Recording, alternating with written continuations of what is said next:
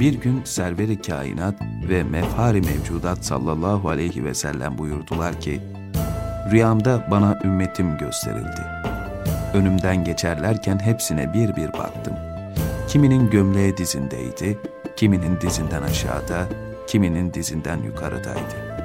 Lakin Ömer'i etekleri yerde sürünen bir gömlek giymiş gördüm.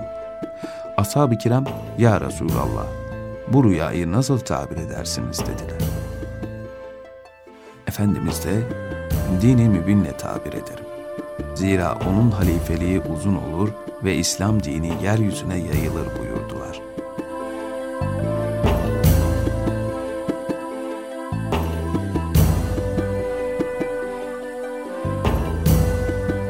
Mesabi-i Şerif'in Sahih Hadisler bölümünde İbn Ömer radıyallahu anh rivayet ediyor. Ben Resulullah sallallahu aleyhi ve sellem'den şöyle işittim. Uykudayken bir kadeh sütle bana geldiler. O kadar içtim ki tokluğu tırnaklarımda da hissettim. Sütün geri kalanını Ömer İbnül Hattab'a verdim. Ashab-ı kiram, Ya Resulullah, bu rüyayı nasıl yorumlarsınız diye sordular. Resul-i Ekrem, ilimle yorumlarım buyurdular.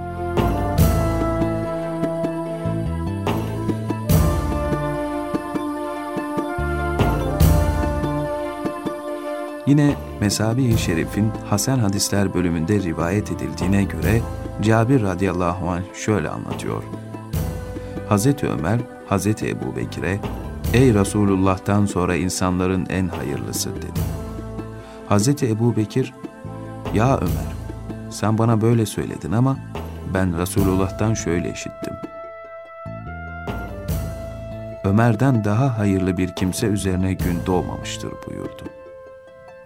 Bu hadisin akabinde Ukbe bin Amir'den rivayet edilen bir hadiste Resulullah sallallahu aleyhi ve sellem eğer benden sonra peygamber gelme ihtimali olsaydı Ömer bin Hattab Nebi olurdu buyurmuştur.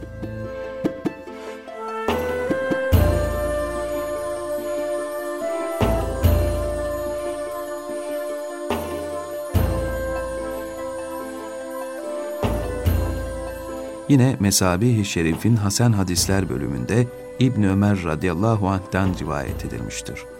Resulullah sallallahu aleyhi ve sellem şöyle buyurdular. Allah Teala hakkı Ömer'in dili ve kalbi üzerine koymuştur, sabit kılmıştır. Bu hadisten sonra Hazreti Ali'nin şu sözü zikredilmiştir. Hazreti Ömer konuştuğunda ancak hak üzere konuşurdu. İnsanlar onun sözü üzerine diyecek bir şey bulamazlardı. Kalpleri mutmain olurdu.